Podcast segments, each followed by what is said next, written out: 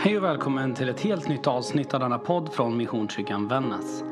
Vi hoppas att den här undervisningen ska hjälpa dig att ta nästa steg i din trosresa. Vill du veta mer eller få kontakt med oss så hittar du oss på www.missionskyrkanvannas.se eller på de vanligaste sociala plattformarna. Välkommen hem hit!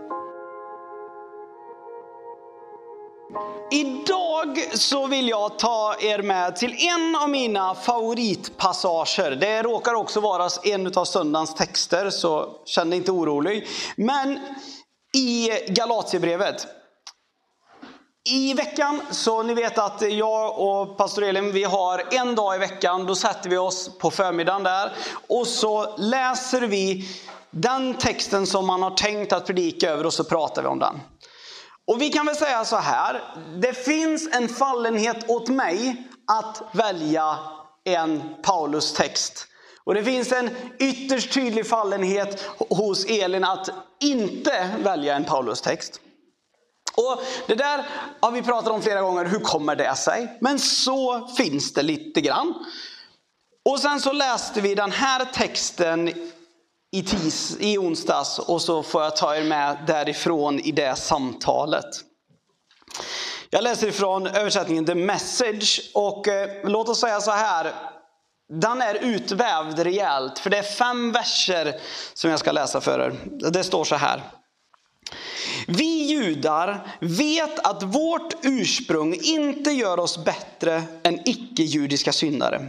Vi vet mycket väl att det inte är lydnaden för regler som gör att allt blir bra mellan oss och Gud, utan bara vår personliga tro på Jesus Kristus. Hur kan vi veta det?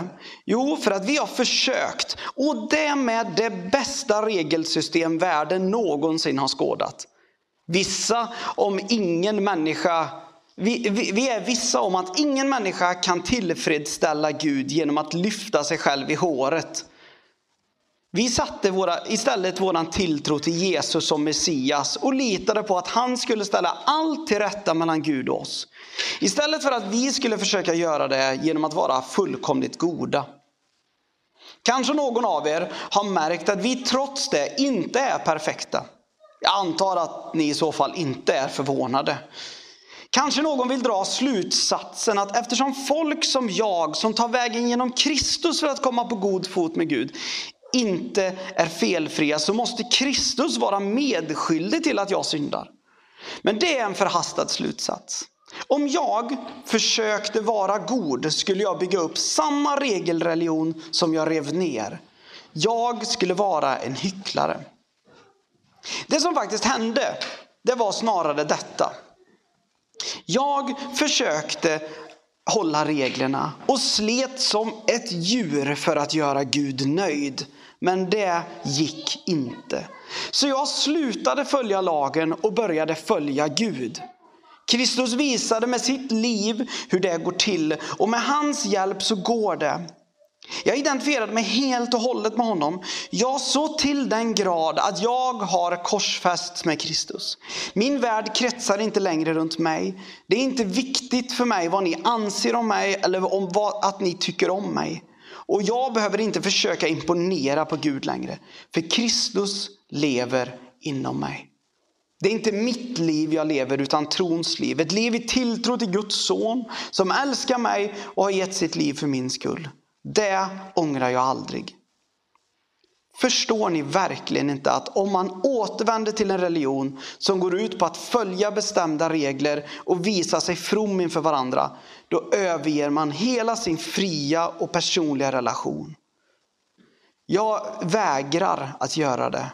Det vore att tacka nej till nåden.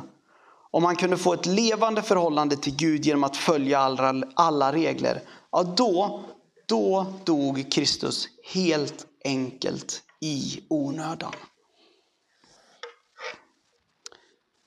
Vi läste det här och jag log lite i mjugg och sen sa jag, kanske lite högre än nödvändigt, hur i hela världen kan du inte älska Paulus efter att vi har läst det här? Hur är det överhuvudtaget möjligt att inte tycka att Paulus är fantastisk efter det här?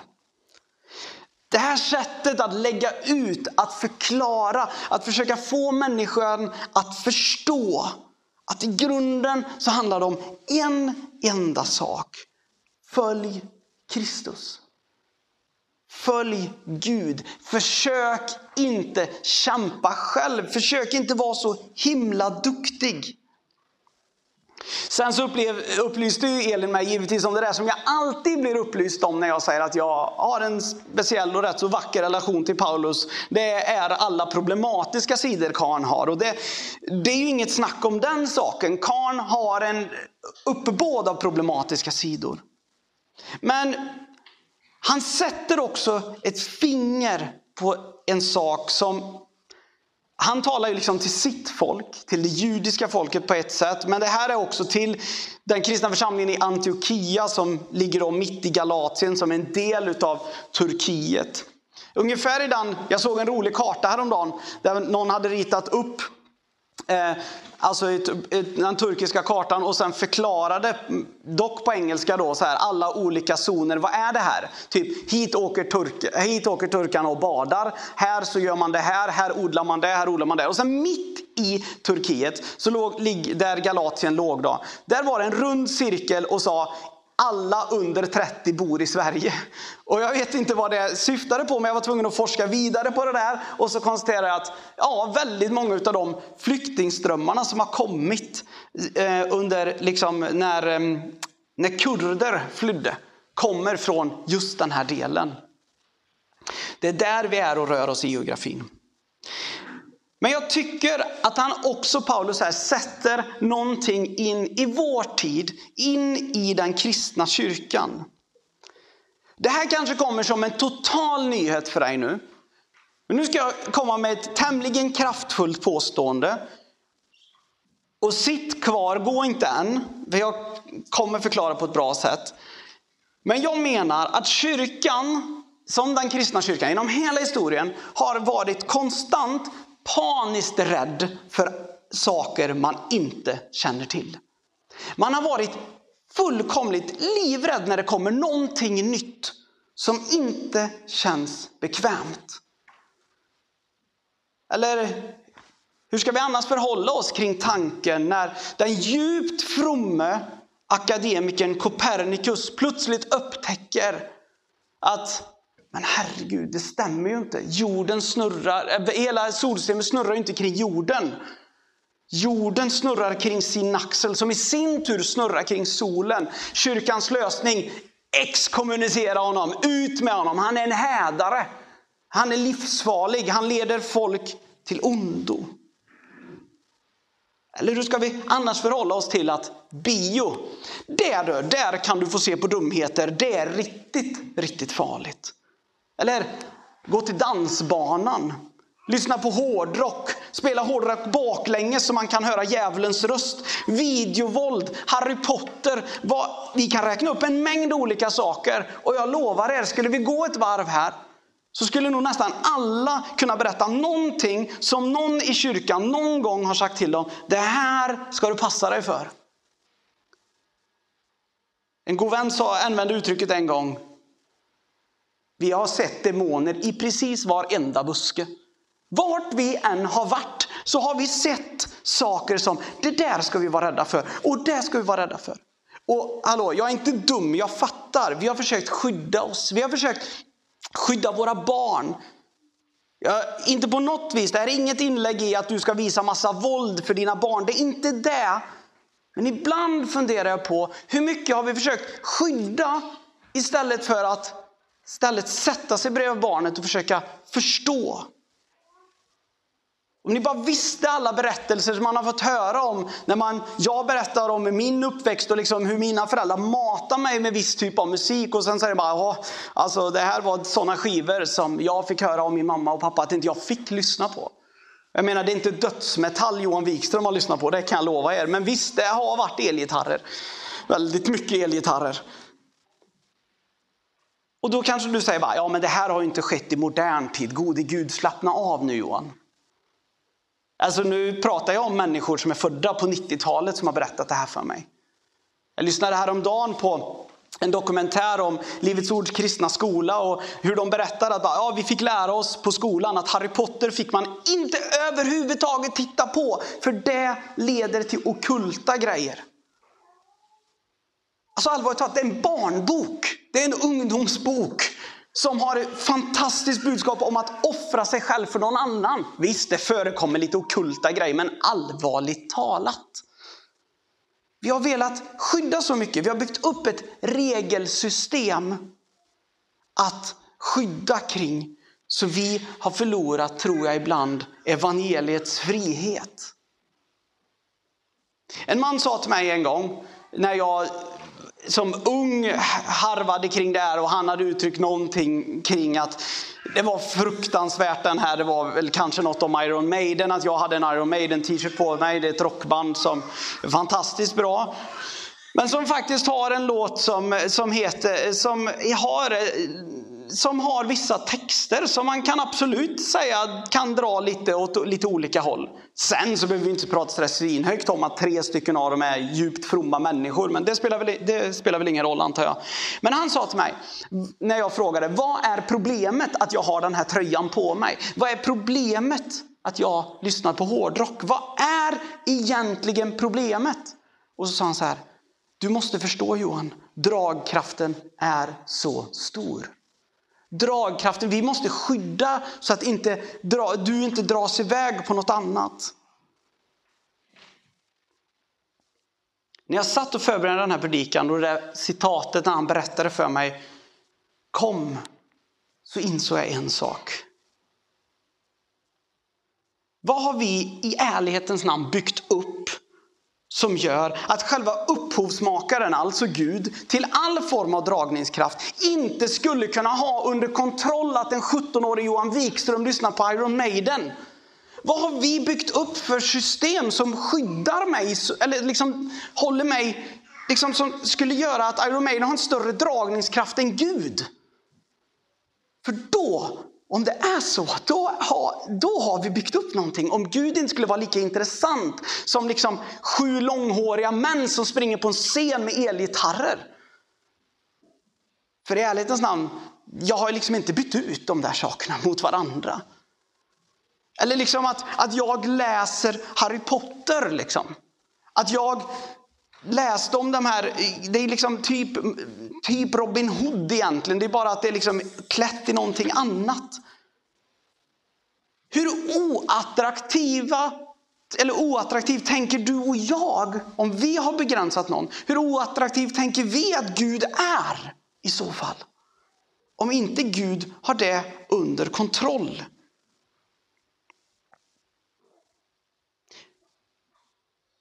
Men jag tror att det finns faktiskt svar på varför det har blivit så här. För jag tror ibland har vi byggt upp saker. Vi har velat hålla även tron på en, inom situationstecken, lagom nivå. Många gånger är de människorna jag har mött som faktiskt är fromma, djupt tromma kristna människor som faktiskt på allvar också resonerar tro, det gör vi i kyrkan. Som vill göra skillnad på, nej men det här är mitt yrkesliv och här är min tro. Man har velat bygga upp någonting så att man inte framstår som för mycket. Kanske sitter du och tänker nu, Johan det här är lätt för dig att säga. Du jobbar, du jobbar som pastor, du jobbar med Elin. Hon tycker inte så mycket om Paulus förvisso, men det går ju lite lättare och rimligt att förklara varför, varför du har vissa åsikter. Men alltså, det är inte det det här handlar om. Det är en fråga om vad Gud gör i ens liv hela tiden.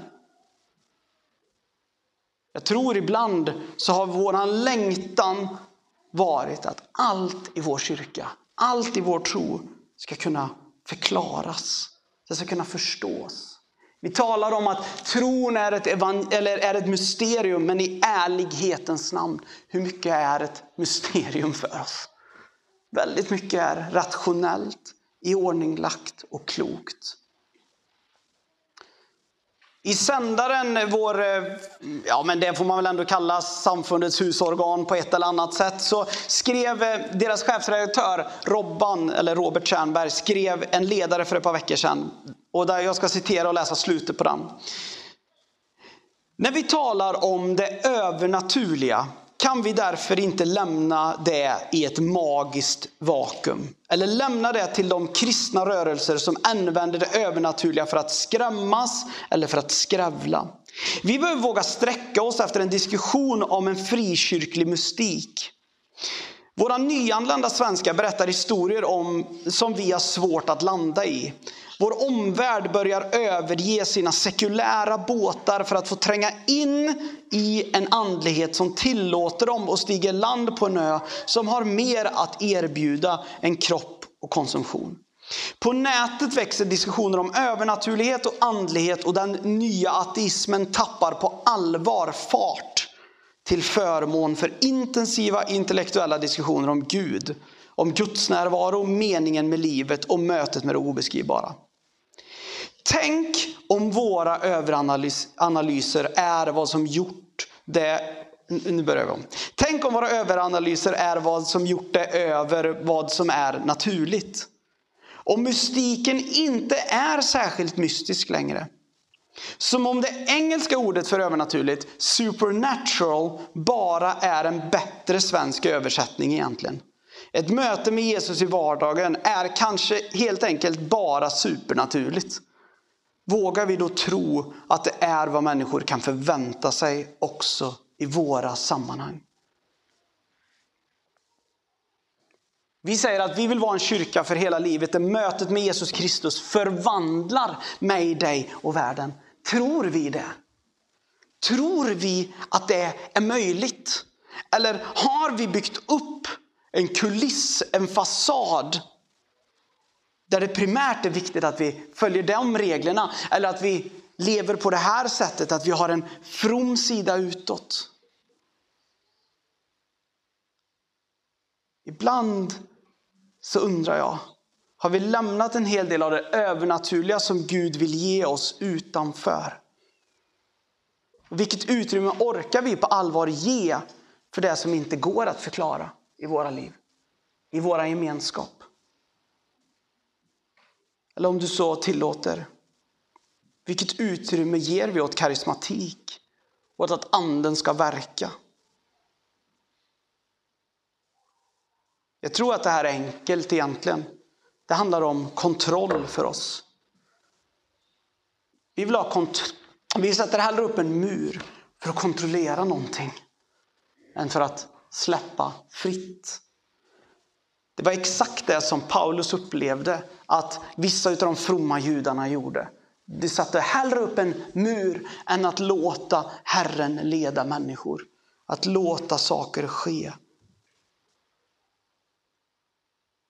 Jag är så pass kaxig så jag är beredd att säga tänk, bara tänk tanken. Om vi hade vågat tänka tanken att de ungdomarna som på 50-talet hade velat gå till dansbanan trots att de älskade Jesus. Tänk om de hade fått göra det. Vilken skillnad hade det gjort? Vilken skillnad hade det gjort om, om vi på, redan på 80-talet hade sagt till de ungdomarna som älskade att den växande hårdrockscenen. Det är lugnt, gå in där med Jesu ljus om det nu är så himla mörkt. Vad hade det gjort för skillnad om vi inte hade kastat ut genierna på 1500-talet utan istället bara inlämnat dem och insett wow, de här kan förklara vår värld. Men istället sitter vi här 500 år senare med fortfarande med diskussionen hur ska man få ihop vetenskap och kyrka. Du och jag, vi är inte kallade till att vara några grindvakter. Du och jag är kallade till relation. Vi är inte kallade till att göra Gud nöjda. Vi är kallade till att följa Gud. Vi ska inte begränsa, vi ska bygg, uppbygga. Och jag vill säga det här också med djup respekt för alla er som jag vet, eller de av er som jag vet har sår från osunda religiösa rörelser. De finns på riktigt. Men min erfarenhet också, det är att sår läker över tid om man tar hand om dem och man bemöter dem. Jag skulle vilja avsluta med att faktiskt ställa frågan. För några minuter sedan, eller det börjar inte bara bli några minuter sedan, rätt många minuter sedan, så skickade vi ner en hög ungar i källan. Vilken kyrka vill du vara med och bygga för dem? En kyrka som är rationellt driven, där man kan förklara allting. Där ingenting är mystik. Där man ska vara rädd för vissa saker. En inställning där man ska akta dig för det, akta dig för det, akta dig för det. Eller ska vi snarare bygga en kyrka där vi faktiskt till vissa svåra frågor som inte, ens, som inte någon av oss kan svara på, faktiskt ska kunna lära och säga, du det här har vi faktiskt inget bra svar på det. Det här är svårt, men vi vet att Gud är god. Gud älskar oss. Ska vi snarare ge dem också en inställning att de vandrar med universums Herre, den som har skapat allt, den som kan skingra mörkret. De vandrar med den guden. Eller ska vi lära dem att Harry Potter ska du passa dig för, för annars blir du snart invald i Slytherin och sen sitter du och kokar några konkokter i källan och förtrollar dig till både det ena och det andra. Jag vet i alla fall vilken kyrka jag vill lära dem om. Jag vet i alla fall vilken tro jag vill lära dem om. Och det är en tro där det faktiskt, vad du lyssnar på för musik, det är mest tröjor och dekaler. Hur du ser på olika saker, det är mest tröjor och dekaler. Det viktiga är vem du väljer att följa. Och det är, där tror jag att det viktiga är att lära människor att följa Jesus.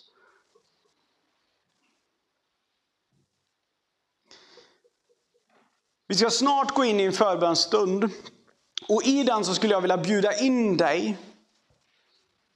Jag själv behöver den här inbjudan om inte annat, så det kanske bara är till mig. Men att faktiskt på allvar säga igen, nu vill, det, nu vill jag börja om. Jag vill följa Gud, jag vill inte lyda Gud. Jag vill inte lyda lagar, jag vill följa min mästare. Att släppa kontrollen över det jag inte kan kontrollera och inse att Herren har allt i sitt hand. För den fria och levande relationen till Gud är mycket viktigare än någon regel som någonsin har skapats på denna jord. Låt oss be. Herre, tack för ditt levande och verksamma ord, Herre. Herre, tack för att du älskar oss så innerligt djupt, alldeles oavsett vilka vi är, vad vi brottas med och hur vi har det i våra liv. Herre, tack för att du inte kunde bry dig mindre om vilken musik vi lyssnar på, om vilka filmer vi tittar på. Utan det enda du bryr dig om det är relation. Det är hjärtat. Herre, jag ber dig att du ska tala till var och en med det vi behöver, med det vi längtar efter. Herre, jag ber, befria oss från alla regler. Befria oss från alla, alla världsliga system som håller oss i makt. Och Herre, jag ber för de som har sår, av de som har sår av saker som har sagts ifrån den här estraden, ifrån mitt, den typen av ämbete jag står i, om det är jag, så vill jag bara be Herre, Förlåt alla oss som har gjort och sagt dumma saker, byggt upp saker. Men jag ber också, kom med helande in i var och ens liv. Och Herre, förlåt oss för allt det vi har förskjutit. Allt det som har gjort oss rädda. Jag ber Herre, låt oss vara lite, lite modigare. I ditt heliga namn. Amen. Hej, det här är pastor Johan och jag hoppas att den här podden har fått betyda någonting för dig. Min bön är att det här ska ge dig verktyg för att ta ditt nästa steg i tro och i ditt liv i allmänhet. Spana gärna in vår hemsida, där finns det fler poddar, en mängd andra resurser. Gud välsigne din vecka.